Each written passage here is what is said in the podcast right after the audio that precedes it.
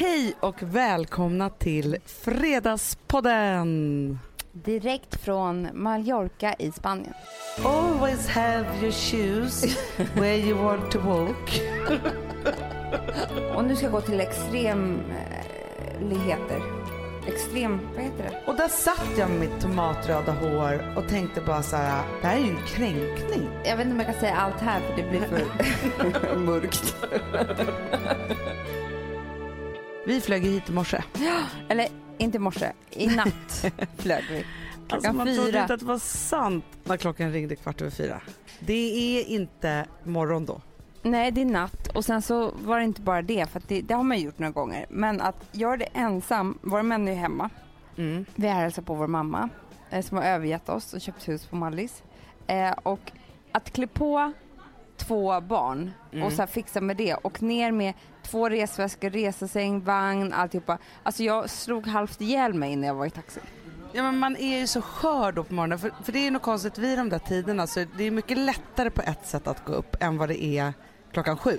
Ja det är det, för Ja. det är något helt annat. Det är ju inte morgon. Nej men sen så var ju också skillnaden från, för man kan ju gå upp klockan kvart över fyra, det gjorde vi när vi åkte till Mauritanien till exempel. Ja. Ja, men då var det du och jag, varsin resväska och sen så bara ho- hoppar man på ett flyg och knoppa in. ja, jag vet. Ja. Nu var det ingen som knoppade in på ett flyg. Frances sov 20 minuter och resten var alla vakna. Och det satt en stackars kille precis bredvid oss på raden. Så- Alltså, Vi borde ju fått en egen rad. Det var ju men- fel, det var ju liksom som att sätta fått honom ett eget i liksom. plan. Alltså det här var ju liksom inte schysst mot någon. Nej, det var ju då vi kom på det sjukt smarta. Som jag inte fattar att inte några så här charterplan har kommit på än. Nej. Att så här, längst bak i planet så tar man bort alla stolar och så har man då stolarna längs väggen så här som flygvärdinnorna har liksom så. Mm.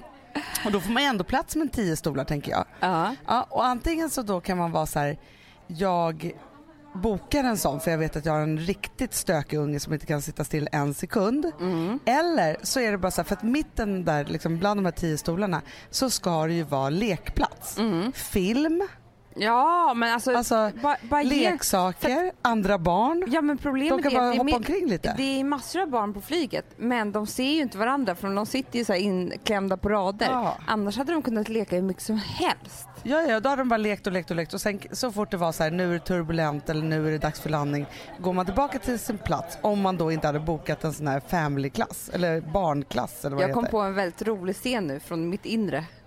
Berätta. Här kommer det. Ja. Scener från Amandas Inte från mitt inre. Men en scen som jag har... Eh, eh, nej men som jag hade bak huvudet som jag inte har tänkt på på länge. Ja.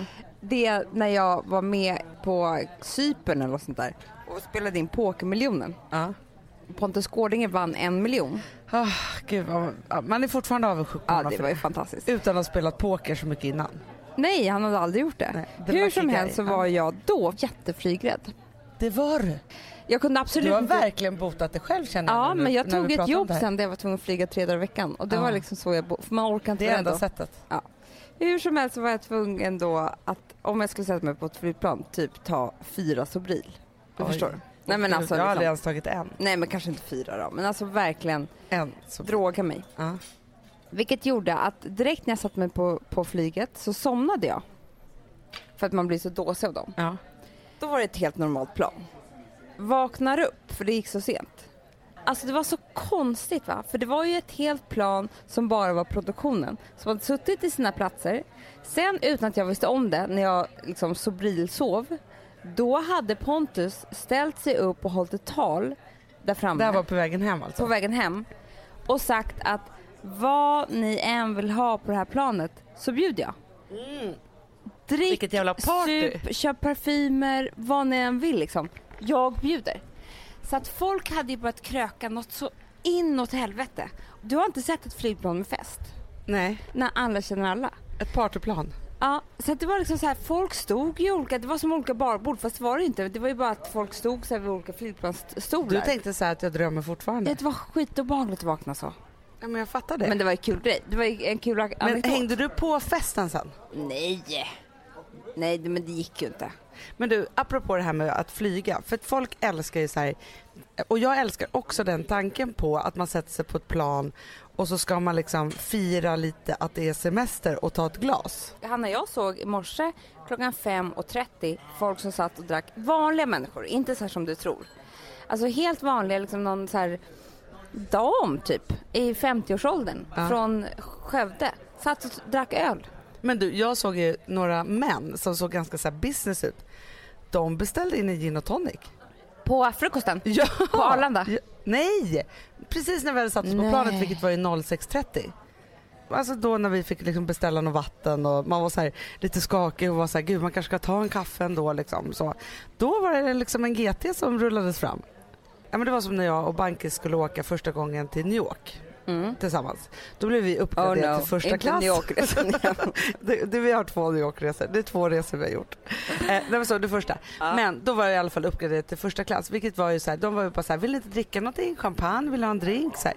Och jag bara nej. Alltså, jag kan inte dricka på flygplan. För att nummer ett så är det så här att jag är ju så här barnslig så att jag går igång när jag dricker någonting. Ja. Alltså jag kan inte bara så här, ta ett glas Det och där är njuta. vi samma. Då blir jag så här, snacka, kanske röka en ciggis och Ah, liksom, ja, ja, hålla ja, på. ja. Liksom, Nej men så. alltså då är det all night long. Alltså då vill man ju och bara så, köra då ska på. man sen bli bakis på JFK när man väntar på bagaget Nej. och sen slå på igen. Det klarar inte jag utan jag har ju bara liksom en det, ja, men folk kan ju liksom hålla på så här liksom i intervaller på något sätt. Men jag är ju liksom antingen på eller av. Ja, men det är samma sak som jag tänker på. Nu sitter vi på ett underbart hotell, Marcel, på Mallorca och spelar in. Ja. Och då ser jag ett helt gäng här från Norge som vi nu har listat ut är från något företag. För de kom in och så fick de ett glas champagne.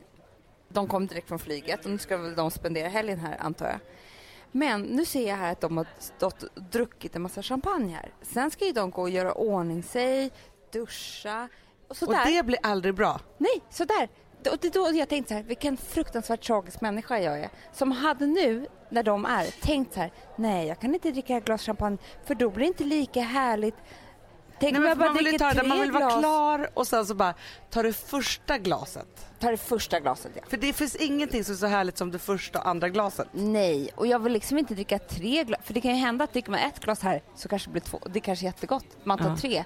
Då är man lite lullig när man ska duscha och sen så är man bakis när man ska ta första glaset igen till middagen. Det går inte. Nej, och vet du vad det värsta också som jag hade tänkt på om jag var i deras sällskap så är det säkert så att de inte har liksom dubbelrum för att de är ett företag. Jag hade också fått lite så här vargtimme med mig själv om jag hade gått själv in på ett hotellrum och skulle duscha och så bara vad sa jag nu här på fördrinken redan och så ska man liksom gå ner och möta upp igen. Ja, för det är en grej som kan vara en dålig kombo. Och det är ju när man är superpepp. och det är champagne inblandat och en utsikt och ett varmt land och så vidare. Då kan det ju gå fort. Man börjar säga att man älskar folk redan första glaset. Ja, ja, ja. Men det finns ju också någonting så här, just så här vid det här första glaset om det hade varit så här ett jobbtillfälle och så. Där finns det också någonting att jag hade börjat kunna så här vända ut och in på mig själv för att jag är så orolig att det inte ska vara trevligt redan här. Ja. Att man måste så här börja leverera och få igång gruppen liksom så. Men grejen är ju också så här något som jag faktiskt är riktigt bra på och det vet jag att du också är. Det är ju det här glaset champagne som de dricker och sen bara så här skita allt och bara gasa därifrån. Ja! Alltså var så här, nu går vi in och så tar vi lite mascara typ på toaletten och sen sätter på sig ett par klackar och man liksom tar det verkligen från att det inte var någonting, man var inte riktigt klar och så bara kör man istället. Men det, det, är det där fast avbrottet. det där har eh, med mig, alltså kommit med barnen, att jag har blivit mycket tråkigare. För att det finns ju inga spontanfyllor på det viset. På riktigt Hanna, det jag var absolut bäst på innan jag hade barn, det var att ta en vinlunch som gick över till middag. Och man så här, gick Men om och du och jag var här på jobb- och sen så, precis som du säger, man håller på sig lite mascara så bara körde man. Men om du och jag hade varit här på jobbresa nu och så hade det varit ett gäng och så hade det kommit några roliga och så, så, så här, då hade det varit en annan sak. Det går ju aldrig att ha en spontanfylla någonsin med barn. Nej Alltså, men det är det i- jag säger. i hemmet överhuvudtaget. Men du, kan vi inte Ja. prata lite om det här roliga, eller roliga och roliga, men som har skett med den här resan. Vår mamma har ju köpt hus här och nu har hon precis liksom åkt hit, hon har varit här en vecka, hon ville jättegärna att vi skulle komma. Och sen så har vi med vårt schema och så, så gjorde ju det här att vi var tvungna att, hon visste ju det att det var bara så här, om jag inte bokar nu då får jag aldrig hit dem. Nej. Och sen är det också så med oss att man måste riva av det där plåstret för att annars kommer vi aldrig komma hit. Nu kommer vi hit och vet vi hur det ser ut och vi vet vad hon är. Då är ju liksom steget till att boka den där biljetten lite spontant mycket närmre än när man inte vet vart man ska. Ja. Så att hon är väldigt smart här i nu att hon bara var så här, nu bara flyger över det här hela jäkla gänget. Ja. Ja. Jag tror att hon tänkte så här, det får kosta vad det kosta vill. För vi är ju här nu i alla fall. Ja. Men det som hände då, Oj. som var så otroligt intressant. Det som hände var då att vi då bokade detta i söndags och helt plötsligt var det bara klart och betärt och så skulle vi liksom ge oss iväg. Och det var liksom ingen snack om saken att det var så här, vi som skulle åka med våra barn och vår andra syrra är också här, Amelia. Så en riktig tjejresa. Alltså, om Gustav hade varit här, du vet en sak, alltså du har ju så himla mycket på jobbet och så och sen så är det helg och så här, men jag tar Vilma och drar upp till Åre till exempel där hans föräldrar har ett ställe. Och så hade jag fått liksom en så här bonus torsdag, fredag, lördag, söndag för mig själv i mitt egna hem. Så hade jag tyckt att det var som fruktansvärd lyx på Hanna, sätt. jag vet inte vad som hade hänt med mig för jag hade antagligen hittat en del av mig själv som ligger gömd. Ja. Jo men så är det ju lite. Alltså Mm. för att man har behövt leta upp någonting igen som man inte har, har sett på länge. För att jag vet inte vem jag är i mitt hem utan barn. Nej. Jag har aldrig bott i det här hemmet jag har bott utan barn. Men förstår du när du Jag hade vaknat i din gör. superhärliga lägenhet, för ni, ni har ju liksom verkligen fått till det tycker jag. Ja men en underbar lägenhet, så mysig och där allting finns som man behöver. Mm. Du hade ju då liksom, ja men idag torsdag kanske inte Mm. gjort så mycket. Nej. Men så vaknar du upp på fredag morgonen. Ja. Du har några viktiga möten, du kanske har en lunch på Rish. Men bara, vänta Hanna, vänta, gå inte så snabbt fram. Vakna i min säng, gå ut och äta en frukost. För det vet ni, ni som inte har barn, ni vet inte hur det är att äta frukost med barn. Det kan vara fruktansvärt vidrigt. Du hinner inte njuta av liksom det du äter för att du liksom håller på hela tiden, alltså speciellt med en Ja, ettåring, det är så- vet du, skillnad. Ibland så tänker jag så här, mitt i den här barnfrukosten tänker jag så här, nu måste jag göra mitt kaffe, göra två supersmarriga Det är mackor, det lägga dem på en tallrik och bara så äta dem för annars kan jag ha ätit Alltså jag kan ha ätit liksom ett helt frukostbord utan att tänka utan att veta att Det jag har gjort gör, det. Hanna. Så då, är det så här, då vet jag inte hur mycket eller lite eller om jag är hungrig eller mätt eller någonting. Och eftersom man inte tänker på att man äter, eftersom man då håller på att ge någon annan eller liksom t- torka upp något mjölkpaket som har runnit ut eller man liksom håller på med någonting hela tiden. Så är det som att man aldrig åt det där. Nej, och jag har ju också ett barn som vill smaka på allt. Ja hon är galen. Hon är det galen. med henne? Alltså hon ska ju smaka på allt. Varenda grej som vilken människa i hela världen ens tar upp. Typ så är det. det kan vara på bussen en, en tant som tar fram en banan. Hon bara, får jag smaka?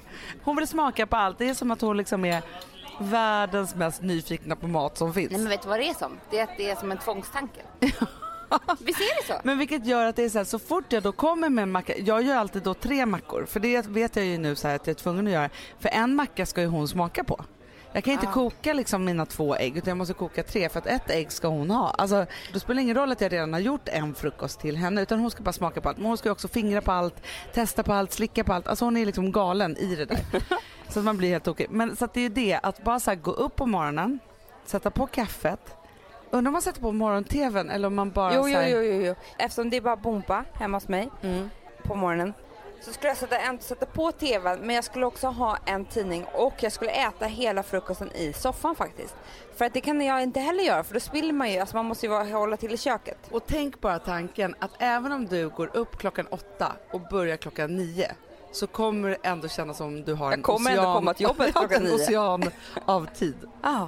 För att du kan äta frukost en kvart helt ostört. Det känns ju som Men två vad snygg timmar. jag skulle vara också. Tänk dig Ja, den men- sminkningen. Ja. Utan att någon drar alltså för, för Nej, men bara sen- Ofta så har jag ju Frances på ena höften, så jag bär henne samtidigt som jag sminkar mig med andra.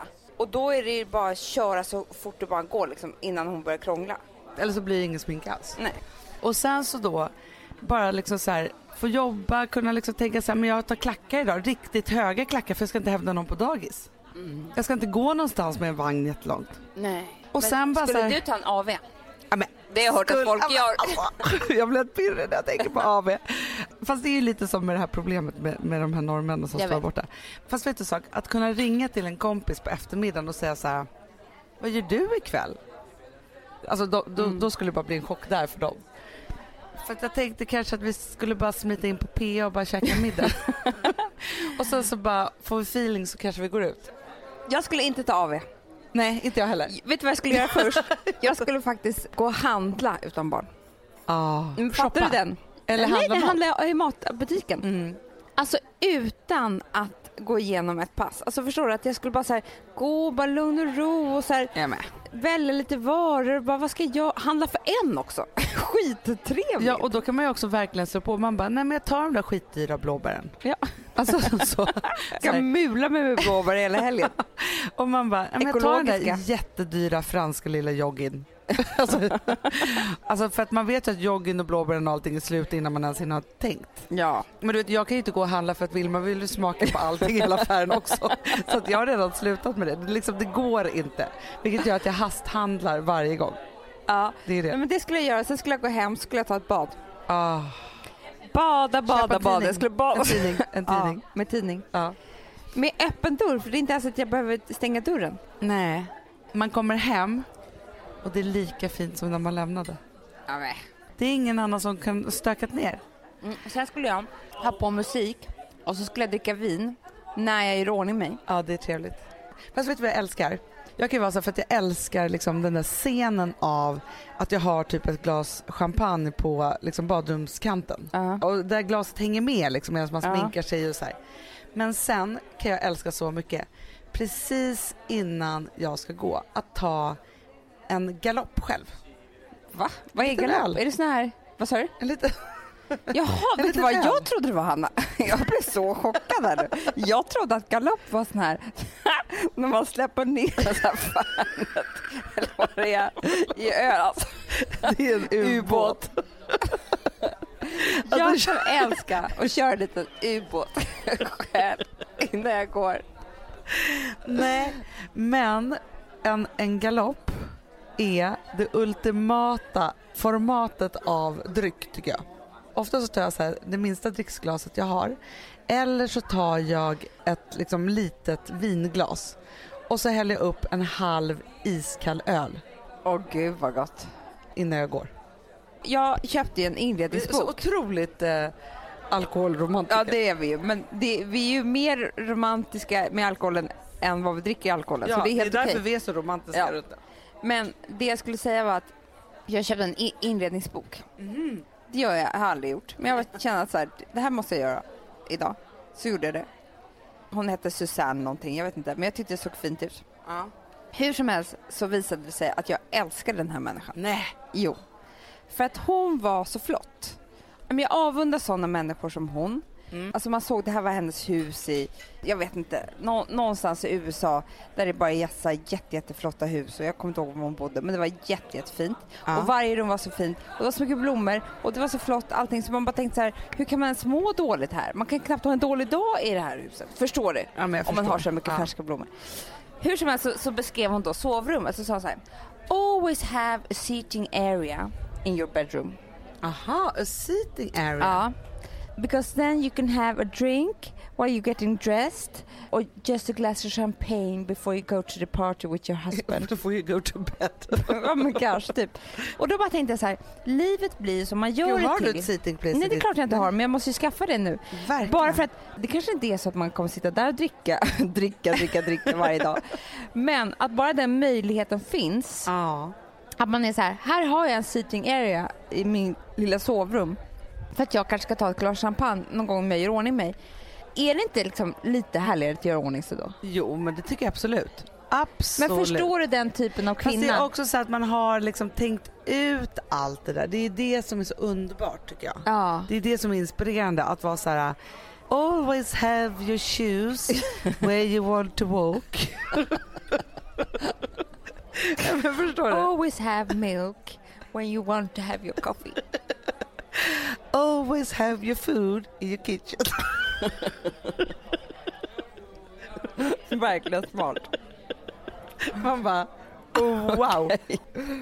Alltså, att ha ordning och reda i sin lifestyle är ju väldigt inspirerande. Det är ju det vi inspireras mest av. Ja, det är så härligt. Vet du vad? Jag pratade med min terapeut om det här. Mhm. För hon har intresserat sig för din och min... ehm, nej men, vi är besatta av att ha det mysigt i hemmet. Ja, det är vi. Besatta. Besatta. Av att liksom med ljus och att det ska vara på ett visst sätt och så vidare. Ja. Och hon hade analyserat det. Nej, äh, Jo. låt mig höra. Jag vet inte om jag kan säga allt här för det blir för mörkt. Gud vad hemskt. Ja, men jag kan Men kör, kör liksom den podd, Poddversionen, versionen. okej. Ja. Nej men alltså då, då, då sa hon det att ni ska inte um, vara ledsna. Nej men ni ska inte underskatta er besatthet av ett fint hem. Och att Nej. det ska vara fint hemmet. För att det är jätte, jätteviktigt för er för att det är ert sätt att göra det tryggt. Ja. När man kommer från lite otrygga förhållanden så, så, så kan det liksom ta vid där. Att det, det är så vi försöker säkra upp säkra upp. Ja. att det ska vara mysigt och tända ljus och så vidare. Sen så kan något väldigt, väldigt litet rubba det. Mm. Men vi gör så gott vi kan och vi har valt den här vägen. Och då tyckte jag att det var så fint på något sätt för att jag kände så här, det är ofta ibland man kan tänka så här, nej barnen svälter och jag sitter här och läser en inredningsbok om att eh, man ska ha ett seating area i sitt, i sitt sovrum. Ja. Då kan man känna sig lite lätt, ja men du vet, Ja, men lite ja, meningslös. Ja. Men när, när hon sa det här och när jag tänker efter och tänker på det så känner jag så här, whatever works for you liksom. Man måste ju hitta Ja, sin grej för att må bra. Men du, jag måste säga så här, för jag förstår precis vad hon tänker. För någonstans, jag tror att vi har pratat om det förut, men för att jag ska må bra i mitt liv så måste jag sätta en ram för allt. Så att jag kan ta på det, även om det är hur abstrakt som helst. Det kan ju vara så här, en myskväll hemma. Så. Ja. Om den här myskvällen bara uppstår, och det, här, det låter ju jättepatetiskt, men om det bara är så här, vi hänger i soffan och tittar på något tv-program och så här, Kvällen har inget ämne. Nej, då, då får jag ångest. Mm. Men däremot om jag har satt en rubrik och en ram för den här kvällen och sagt så här, det här är, det är fredagsmys. Ramen är att vi ska vara hemma i vardagsrummet, vi ska äta take away-mat, vi ska titta på en film, barnen ska sen få somna si och så och sen så kommer vi ha mjukiskläder och bara hänga i soffan. Då finns det ingenting i hela världen som jag tycker är så mysigt Ja som men så just kan det. ju vara också för att vi vill alltid ha en kvällsmys. Om vi äter tidigt med barnen och sådär. Ibland har man jättestora planer för det. Men sen så ibland kan det vara så här, nej, vi tar en fin krisp och dricker te. Liksom så här, åh vad mysigt, det gör vi. Det är inte så här, men då har vi gjort upp. Ja. Ja, det är inte precis. att man behöver extravagans för det. Det, det är bara att man, man vill ha Nej. klart för sig hur det här ska gå till. Det behöver inte vara några storslagna planer överhuvudtaget men jag kan ta pulsen på mitt välmående när det är så här, det är helg, jag vet att hemmet är ganska städat och det ska bli något mysigt och jag handlar någon god mat, jag köper snittblommor och jag kanske går och köper doftljus för det tycker jag är mysigt. Och så kommer jag hem och så liksom så här, förgyller jag hemmet och samma sak har jag alltid kunnat göra att så här, just när liksom ens hem har varit skitstökigt och man är så här, ah, nu mår jag inte så bra liksom, i det här för jag mår skitdåligt av stök. Det ska jag bara säga. men det kanske alla Du människor får ju gör. tokångest av det. Nej, nej, får- nej, Hanna, du får riktigt ångest. Ja, men jag får Andra människor mår jätteångest. dåligt, du får ångest. Jag blir också aggressiv. Det är trevligt. Nej men det finns ingenting som jag får så mycket ångest av som att det är skitstökigt liksom. För att ta mig ur, alltså så här, när jag var yngre och så, då var det så här, okej nu är det jättestökigt för det blev mer stökigt då för att man inte var hemma så mycket och man bara lät det förfalla och så tog man tag i det. Då var min liksom så här, ta tag i hemmet medicin var att först gå ut, köpa snittblommor, köpa typ så ett nytt Ajax-spray eller vad jag tyckte att jag Mhm. behövde Mm. nya disktrasor och kanske ett doftljus. För då var det som att jag städade för att de här sakerna skulle få plats. Ja. Förstår du? Jag fick liksom en anledning. Och då blev det liksom som att så här, nu hade jag de här sakerna och så städade jag och så var det liksom så otroligt tillfredsställande då att då ha städat hela hemmet, gjort det fint, tagit mig ur skiten upp till någonting bra igen och så tända det där doftljuset, sätta blommorna i den där vasen, torka av den där bänken för sista gången och sen så tappa upp ett bad och känna så här, nu mår jag bra igen. Jag tror att det här är ett jätteviktigt steg, eller inte ett viktigt men ett bra steg i the golden year. Man har alltid någonting som man vet och har vetat länge att man faktiskt gillar. Man tycker om det här, vad det nu kan vara. I mitt fall så är det mode och eh, inredning, säg. Som jag har försökt så här, jag skämts lite för det, jag tryckt undan. Det är, så här, det är någonting som bara hänger med men det är inte ett int- intresse och nej, man gör väl annat och så vidare. Vissa kan väl ha som är att träna eller någonting har man ju. Jo men ofta så är det ju så att om man går och mår lite så här halvbra eller kanske till och med ganska dåligt så vet man ju om jag bara nu städar mitt hem eller om jag går och tränar och får igång mig själv. Det är ganska ytliga saker som kan liksom ta en över, jag mår ganska bra-kanten, nu är jag på gång Mm. och ta sig ur den där svackan. Och det som ligger ens närmst ska man ju verkligen sätta upp på en piedestal och göra viktigt för en. Det är det jag menar, att så här, bara slå bort allt det där, alla de där känslorna som har varit så här, nej men det här är väl inte så viktigt, nej men det hänger, så här, vet du vad, det här är superviktigt för mig. Jag Mm. älskar det här, jag är stolt över att jag älskar det, ser det som en del, stor del av mig. Det är ju nyckeln det. till ens välmående så därför så är det ju en jätte, jätteviktig sak. Ja. Och har man nyckeln till ens välmående, Ja. men då är man en väldigt rik person. Man kan inte aldrig någonsin må dåligt igen. Men om man vet hur man faktiskt så här, bara känner sig, när det känns stökigt och jobbigt så vet man så här, okej ser man runt omkring sig så bara det är jäkligt stökigt hemma eller vänta jag har faktiskt inte varit på gymmet eller ute och sprungit som jag vet att jag mår så jäkla Mm. bra av liksom, på väldigt länge. Och så bara gör man det. Så, då är det en Ja, men- av de där nycklarna till men- att ta sig upp igen. Liksom. Ja, och nu ska jag gå till extremligheter. Extrem, vad heter det? Extremheter. Jag ska gå Till, till, Du ska gå till extremen. jag ska gå till det Du extrema hållet. extrem. Ja. Ja. Och då var det så att i veckan så... Nu går du extremt. Det går jag väldigt extremt, det har ju det. I veckan så hade jag ett litet breakdown. Det var länge sedan jag hade det faktiskt. Ja. Jag tror att det var på grund av stress och lite andra saker, men skitsamma. När jag får ett breakdown, då yttrar det sig i min hypokondri. Det är Mm. inget nytt. Mm. Nu kan du skratta, jag vet att du kommer skratta för Anna. Men ungefär, Nej, men jag skrattar ett, bara med kärlek. Ja, det är bara det att men det är så ungefär roligt med ett sjukdomar. halvt dygn eller så, så trodde jag att jag var väldigt nära döden. För jag hade nedsatt njurfunktion. ja. Alltså jag hade så här metallsmak i munnen, jag mådde illa och jag var inte gravid. Det kollade jag direkt. Så började jag googla och då var det liksom så här, typ när diabetes har gått för långt och njuren precis håller på att lägga av, då kan man må så här. Ja. Och då är det för mig som har hypokondri så blir det så här, då faller allting på plats. Då är det så här, nej men det är klart att jag har det här. Alltså, och det var samma dag som vi beställde de här biljetterna vilket gjorde att jag kunde inte ens vara glad för det för jag visste att jag skulle inte komma hit. nej, jag skulle nej. antingen ligga på intensiven eller redan coolat. Ja. För så är det för mig. Och, och man kan tycka vad som helst om det. Jag, jag tycker själv att jag är helt knas i huvudet. Men de där timmarna så är det verklighet för mig. Hur som helst så bokar vår underbara Mikaela en doktorstid till mig. Jag går till doktorn två dagar senare, får en tid. Tar några prover. Redan då har jag lugnat ner mig lite grann. ja, men redan när hon kom tillbaka och sa så här, nu har du en tid här, Ja. redan i övermorgon. Ja, men då dämpade du liksom lite av hypokondrin. Det gjorde jag. Det som jag gjorde då efter jag hade tagit de här proverna var att jag gick och mötte upp dig för att vi skulle gå på ett möte. Och då låtsades var du så inte, lycklig. Ja, men jag låtsades inte ens för dig Hanna att det kanske var någonting med min njure. För det har jag gjort annars. Ja. de tog prov, man får se. Alltså förstår du? Nej, nej det gjorde du inte. Du, jag sa du bara så här, nej. Det var gallan sa du. Ja. nej men jag bara sa så här, nej men eh, det var väl ingenting Nej men du liksom. var jätteduktig för du var så här, jag hade ett breakdown Mm. men jag gick på privatvård. Jag betalade 800 kronor ur egen ficka för det här. Det var inte så att jag belastade liksom folks skattepengar över det här. Alltså du hade så här ett fint litet tal att det var så här du hade haft hypokondrin, du hade haft ett breakdown, du hade gått till doktorn men du hade också tagit ansvar för hela den här saken. Ja, och jag låtsades inte efteråt. Utan jag var så här, nej men okej, nu var det ju så här och det var olyckligt att jag fick ett breakdown och att jag behövde gå till doktorn och hit och dit. Men jag betalade för det och jag ljuger inte heller för dig sen. Jag berättar hur, exakt hur det var. Det var bra. Då får jag väl stå för det där då. Alltså, jag får väl tycka att det är något fint då, att jag tar hand om, alltså det är inte fint så, men alltså att jag jag gör på mitt sätt, nu är inte det här något bra sätt, det, det säger jag inte och jag säger att jag vill bli av med det. Men jag ska inte skämmas över det.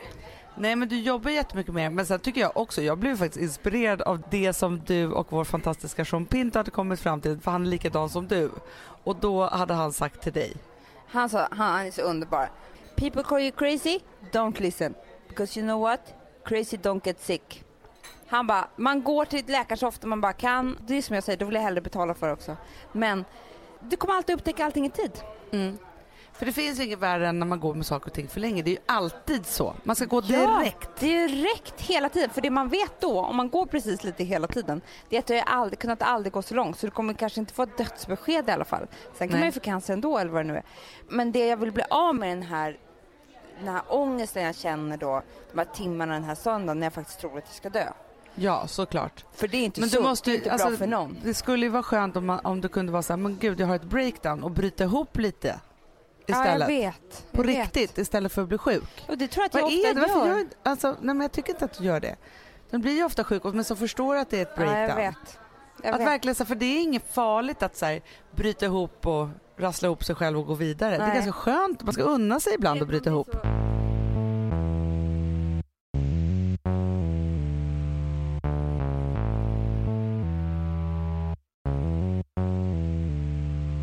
Vi är sponsrade av Synoptik och deras glasögonabonnemang All Inclusive. Alltså det här är ett genidrag. Alltså, Så Mm. fort man har hamnat i... Tyvärr, alltså antingen så har man det såklart från födseln, men, men vi som blev lite till åldern, Hanna, och Ja. synen den svek oss. Vi har nu förstått att det här med glasögon, det är inte så att det bara går att skaffa dig ett par och så har du dem for life. Utan dels så vill du ju ändra styrka och, och allt möjligt, men du vill också inte bara ha, för det här är ju liksom en del av hela din outfit. Du vill väl ha olika bågar? Nej, så här, och då har de skapat det här Synoptik All Inclusive. Och fördelen då med det, Amanda, det är ju att du får byta ut ett par glasögon per år. Mm. Så.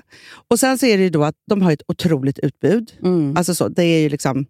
Men, man vill ju ha det allra senaste. Ja, Alltså, förstår du? Och det man är snygg man i och alltihopa. vill ha?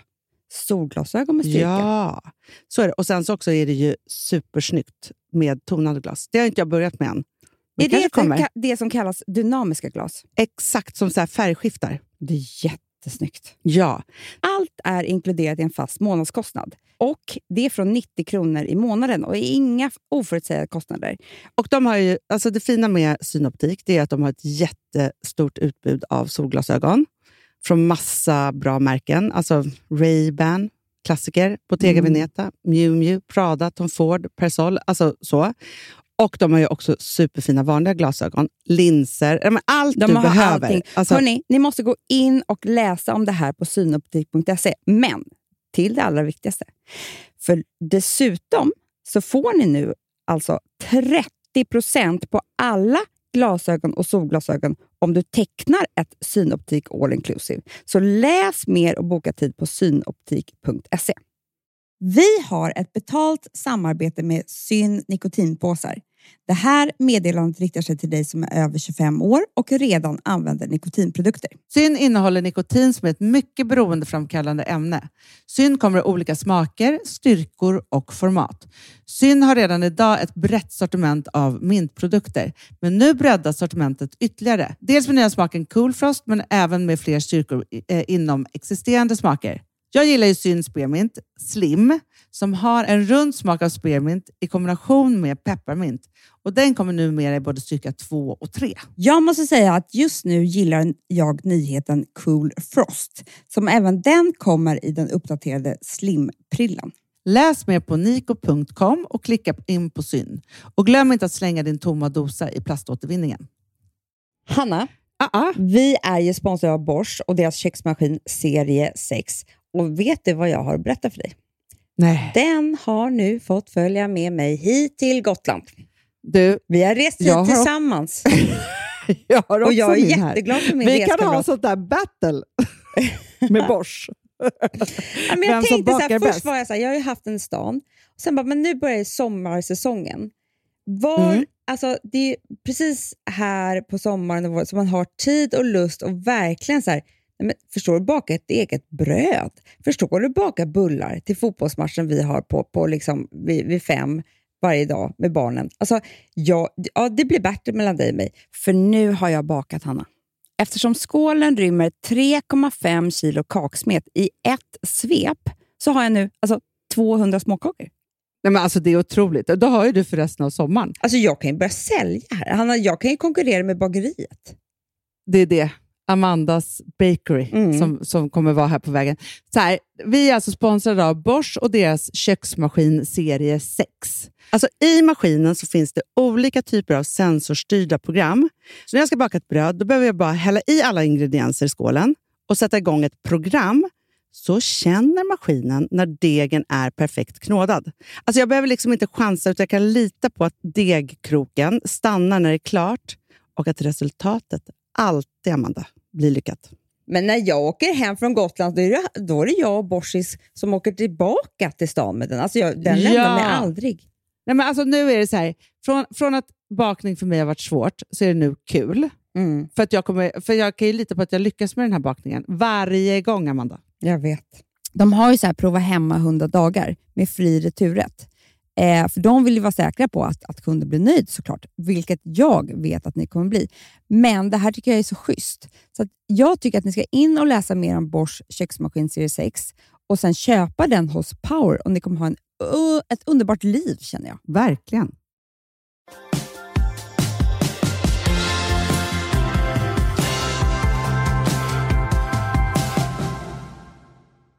Jag och Rosa var och såg den här fantastiska filmen Vi är bäst. Ja, Av Lukas det har inte vi pratat om hur den var. Nej, och det var en upplevelse förstår du. För att det börjar i alla fall med trailern som är ju så här för alla som ska bli 13, för alla som är 13 och alla som någonsin varit 13 och det är typ Ja, alla. fint. Men det är väldigt fint. 13 är ju en väldigt, väldigt speciell ålder. Och de här tjejerna som den här filmen handlar om, de är ju också 13 när jag var 13 i den här filmen. Nej. Jo, tidigt 80-tal skulle jag säga. Jag var väl lite, lite senare, men det var ju så otroligt mycket som jag kände igen. Allt från liksom så hur föräldrarna var till hemmafester och så här. Det som var härligt var så att jag och Rosa smög in där på, på Victoria på Söder och satt oss där och så, så var jag så här, så fort den hade börjat, jag bara Rosa, de är precis vet, som jag var när jag var Hon bara Shh, du pratar inte med mig först vi kommer ut ur den här biografen. Och det sjuka är att hela filmen handlar om liksom hur jävla dumma huvudet föräldrar är typ när man är 13 år. Jag bara okej jag är så som de här föräldrarna. Jag, är, alltså, jag var ju som 13-åringarna tyckte jag. Men jag var ju som föräldrarna i filmen. Ja. Men den var fantastisk. Jag tycker att alla ska se den för att det är en bra film och det handlar om massa bra saker. Om att, att våga vara där man är och så vidare. Men det som jag tror gjorde att det förde mig till den här historien var att de här tjejerna var väldigt så här punkiga. Och jag har ju någon form av punkhjärta måste jag Det säga. har du ju. Ja, jag har alltid liksom haft liksom någon punkfrisyr och hållit på. Liksom så här, jag har aldrig gått hela vägen i det där punkiga men jag tror att det var så här, att när jag växte upp så låg det så himla nära också så här, alla skinheads som fanns i Stockholm. Så att, Mm. och det var liksom, det var svårt att välja liksom den sidan så att jag blev någon så här Madonna-punkare. För för mig var hon den mest punkiga jag någonsin hade stött på. För att det handlade också om att våga vara kvinna. För jag var inte så mycket ute efter att vara så staten och kapitalet liksom så. Utan Nej. jag var mer så här, jag är tjej och jag får vara precis som jag vill. Där Ja, jag. bra. Och då var Madonna så jävla bra där, 1983 liksom. Ja, det var en underbar. Ja. Och då så, så här, har jag liksom tänkt över den där tiden och också vad det ledde mig. För det här, den här filmen handlar också väldigt mycket om att så här, de här tjejerna såg ut som Ja men de var ju rätt killiga för man, det är en rätt killig stil om man har kort hår och så här. Och då tog det mig igenom liksom mitt liv som att inte vara som en helt vanlig tjej. Nej. För att någonstans så var det så att när du och jag växte upp så var ju du den tjej-tjejigaste tjejen som fanns. Ja. Och jag alltså, jobbade hela tiden emot det där på något sätt. Och jag vet inte varför. Jag kan, alltså så om jag bara ska dra snabb analysen så tror jag att det var för att våran pappa hela tiden skulle hålla på att prata om hur jag såg ut och inte. ja. Så att det var liksom en antirevolt mot det. Så att jag var så här, okej. Det var en revolt. Ja det var en revolt att jag var så här: okej jag gör mig så ful jag kan typ. Nej men liksom så att jag var så här, jag ska minsann inte hålla på. Eh, Och jag tror också samtidigt att det var så här. Jag skiter i att konkurrera med det där idealet utan jag skaffar mig ett eget där jag ändå kan vara ball liksom så. Nej men Hanna, jag där. tror att det var jätteviktigt för dig, jätte, jätteviktigt för dig att checka av om du kunde bli älskad oavsett. Ja, det tror jag också. Även om jag kände mig så här tuff och jag tyckte att alltså, så det var alltid något skönt att ha de där jättetuffa kängorna eller den där tatueringen och den knasiga hårfärgen och så. Jag har alltid älskat det. Men det var också en sån här, även om jag inte har Barbie-hår kommer ni älska mig ändå. Mm. Och framför allt så var det också en jätterevolt med min pappa, vår pappa som bara ville att vi skulle ha jättelångt hår hela tiden och man skulle vara så här tjej-tjejig. Och det vägrade jag. Och jag vägrade det kanske lite för länge. Nej. Nej men så, men, och det där har jag verkligen kommit tillfreds med. Men då hamnade jag i någonting som inte jag tänkt på på flera, flera år. Mhm. Det var ju så här att vi hade ju en mormor och morfar och liksom vår mammas sida av släkten. Vi umgås inte med dem så mycket. Mamma var ju sladdbarn. Och Gjorde vilket också någon gjorde form att, av revolt ju. Ja, gjorde någon form av revolt. pappa som var hippie och de var så borgerliga. Ja, de var väldigt så borgerliga och lite fina och man fick inte vara liksom hur man ville och det var ju någonstans den diametrala motsatsen från hur vi levde. Men samtidigt så var det också så att det var vår mormor och morfar och det var våra släktingar som vi ändå skulle umgås med på så här jul och vissa helger och dop och begravningar och annat. Mm. Liksom så. Och då minns jag så himla väl, jag kan tänka mig att jag var så här 21, 22 Mm. eh, någonstans där. Och vi var alla bjudna på bröllop Ja men du måste varit äldre Hanna. kusin. Ja men 24-25 då. Ja. Och vi var bjudna på bröllop och det var jättebjussigt verkligen att vår kusin hade då bjudit oss på det här liksom bröllopet. Men jag minns så himla väl för att jag var liksom jättebrydd av att det var något klänningstvång. ja. Redan där kände jag så här, oh vad är det här liksom så. Du skulle gå dit och du hade blivit bjuden med din respektive. Ja. Jag hade ju massa killar men jag hade ingen som jag kallade min respektive. Alltså jag var inte alls där i hjärnan överhuvudtaget. Jag tyckte typ att det var töntigt. Ja, vi typ. skulle resa också någonstans. Det Ja, var vi inte så här skulle- vi bara går iväg. Nej. Det var så här på riktigt Vi skulle resa. resa till Söderköping. Ja. Ja. Jag var ju ändå en vuxen människa, liksom 24-25 och liksom så här, du var där med din respektive fem år yngre. Liksom så. Och så var det mamma och så var det vår lilla syster Amelia. Och vid den tidpunkten så hade jag också tomatrött hår. Mm, det kommer jag ihåg. Det var så snyggt. Ja, Alltså jag hade någon liksom otrolig frisyr med tomatrött hår. Det slutade med att det jag kunde dryfta mig till i klänningsform var att ha så här tuffa svarta byxor, klänning över det, kjol över det, typ men skinnjacka eller jeansjacka. Mm. Alltså, så. Vi kommer dit och jag är ändå liksom så här glad och tycker att livet är toppen. Vi ska ändå gå på liksom ett kul bröllop tänker Mm. jag. Tills vi kommer till bordsplaceringen. Och jag inser då, jag är ju lika gammal typ som alla de här andra människorna, inser då att jag är placerad bredvid min lilla syster Amelia som är alltså då typ 12. Ja, Alltså vid barnbordet. Och du nu sitter jag men det, men det vi var de inte kul. vuxna med din kille. Ja, Alltså så här. Och så jag var tror det. att ni fick alltså sitta bredvid varandra trots att ni inte var förlovade. Så var det, ja. för att alla, det var nästan alla där typ var förlovade och då skulle man sitta bredvid varandra och då fick vi också göra det för, ja men du vet så här, det var så jäkla, ja, Ja men riktigt så här liksom. och riktigt. Ja. Och där satt jag med mitt tomatröda hår och tänkte bara så här, det här är ju en kränkning. För det som hände sen var ju så här att jag satt där den där middagen och sen så blev det en jättekul fest och jag tror att jag var den enda som hånglade med den härligaste killen på hela festen den kvällen. Såklart. På något härligt hotellrum liksom så. Så minns jag att det slutade och jag vet inte fortfarande om, om våra kusiner vet om det. Nej. Men så var det. Nu vet ni om ni lyssnar. Men det som jag tänkte på då när jag drogs mig till minnes i det här gjorde mig såklart jättearg och ledsen. För det som också hände sen kort efter var, tror jag, det måste varit så att jag... Men du måste förklara varför, vad, vad jo men det var så här, för jo, men det som hände, det, var, så här, det var en vad- alltså- tvåstegsraket. För att Ja. det som hände sen efter, det finns ingenting som är fel på det här överhuvudtaget förutom att jag blir arg över vad det egentligen är. Och det var ju att en av mina mostrar och mormor hade sagt till mamma, jag förstår inte heller varför mamma sa det här till mig, men hon bara säger ja, nej men de sa ju det att de tycker att, att det är helt okej att du är lesbisk. Och det var ju då för att du hade typ rött hår. Ja, Det var ju det de, alltså, men inte någon så här respektive. Alltså, och det finns ingenting fel med att vara lesbisk. Alltså, det finns ingenting fel med liksom någonting i det här. Förutom att de var så trångsynta för att jag var en annorlunda fågel. De kunde inte sätta in mig i deras vanliga fack. Att de var tvungna att göra mig till en undantagsmänniska. ja. Det är det som gör mig arg. Det var precis så det var. Men de blev också så liksom alltså, skakade av att de inte, de visste inte hur de skulle hantera dig överhuvudtaget för att du hade rött hår och skinnjacka och inte klänning när alla andra hade klänning. Så att de sätter dig vid barnbordet. Då blir du inte ens värdig. Liksom. Nej, jag var inte vuxen. Nej. Jag var inte en egen person som skulle ha en egen plats vid något annat bord. Skulle de sätta mig bredvid en tjej eller kille? Alltså förstår du, det är typ där också. Man bara, men spelar roll liksom.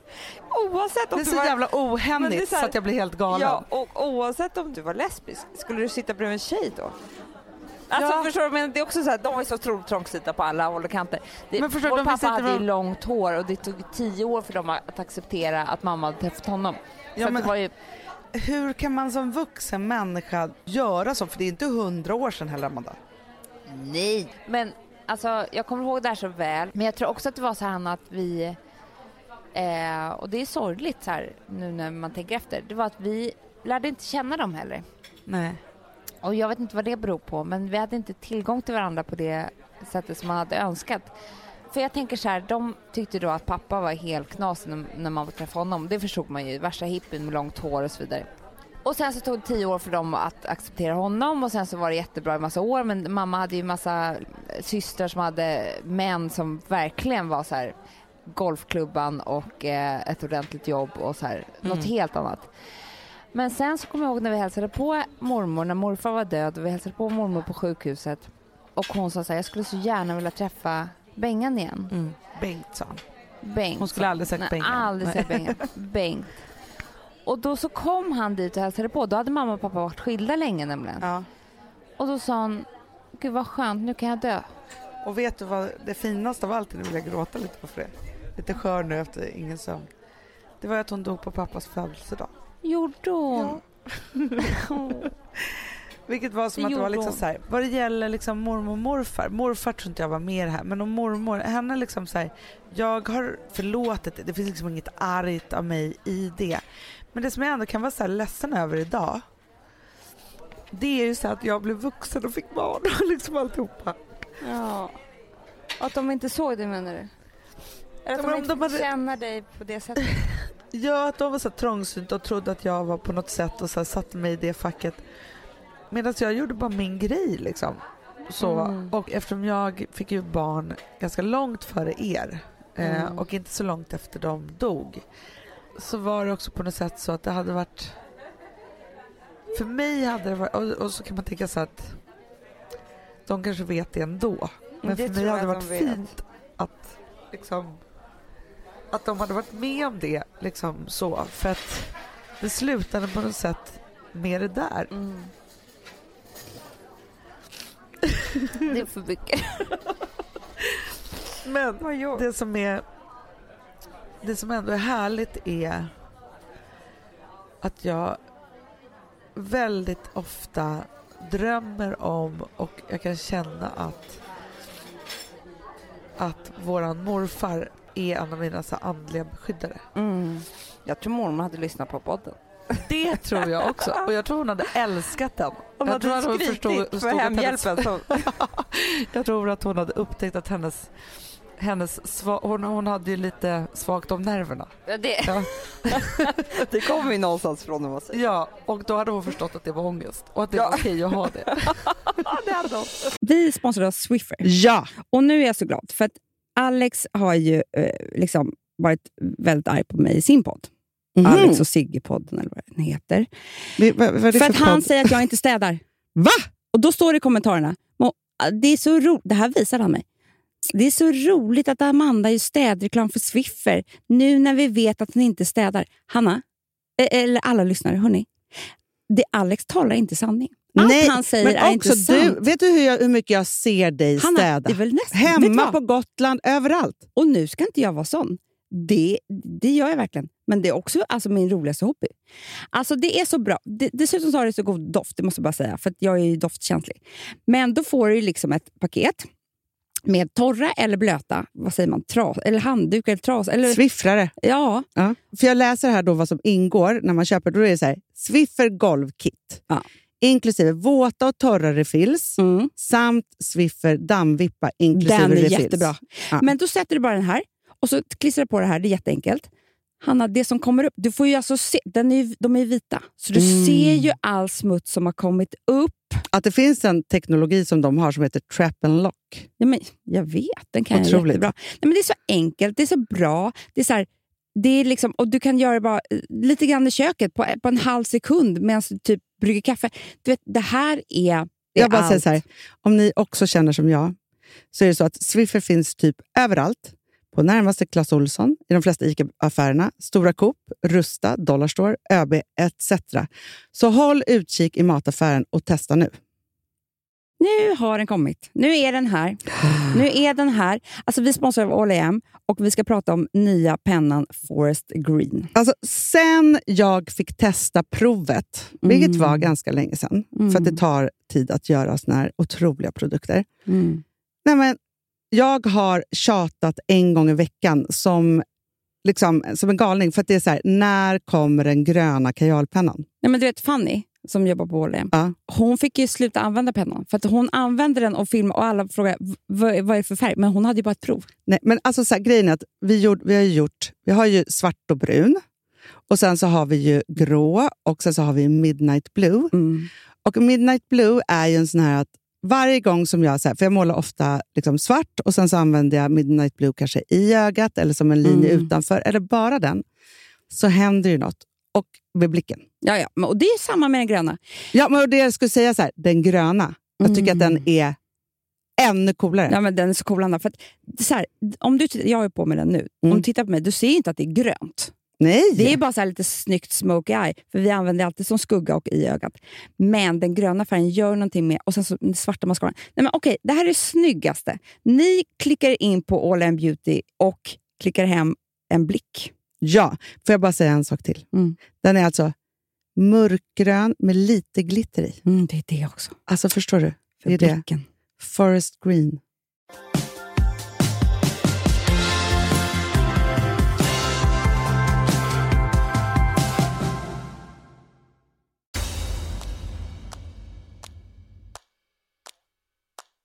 Men jag önskar också att jag eh, hade varit modig nog att bara berätta hur det är. För det var ju också det här att så här, jag inte hade det där tydliga livet. Och då kunde de inte liksom, visste de inte hur de skulle ta det. Liksom. Så att jag önskar liksom alla som känner sig som en udda fågel i sin familj eller sin släkt. Ja, och Att det tror våga jag är vara det. supervanligt. Ja, Alltså vadå, det är väl bara att komma hem på julafton och känna vad, vad gör jag här liksom. Det tror jag att de allra flesta känner precis hela tiden. Ja, för det, jag tror att de största kraven om hur man ska vara och vem man ska vara och vad man ska prestera kommer från den där urfamiljen. Liksom, Ja men det är så. klart att det gör. Även om man sen liksom börjar jobba för sin egen skull och sådana saker så är det därifrån det verkar. Om man ska gå i skolan eller man har fina betyg. Och det är alltid där också på hemmaplan så man får de där frågorna som man kanske inte vill få. Så här, har du träffat någon nu då? Och så kanske man är någon som inte har gjort det på skitlänge. Det ligger alltid liksom så här invävt massa gamla saker som är så här, vem man är. Ja men det är granskande på ett sätt som inte är klädsamt för någon. Det är så konstigt och man ska ställas till svars på, på något vis. Men jag tror inte att det går att lösa så mycket uppåt. Jag tror man bara får glömma det. Men, eller det kanske man inte behöver göra. Men man behöver ta det på lika stort allvar som man ska ta hur man blir med sina barn istället. Nej. För där kan man ju verkligen göra någonting eh, bra och bygga liksom, nedåt. Ja, men att aldrig vara fördömande, alltid uppmuntrande. Ja. och bara försöka få sina barn att inse att man får vara precis som man vill.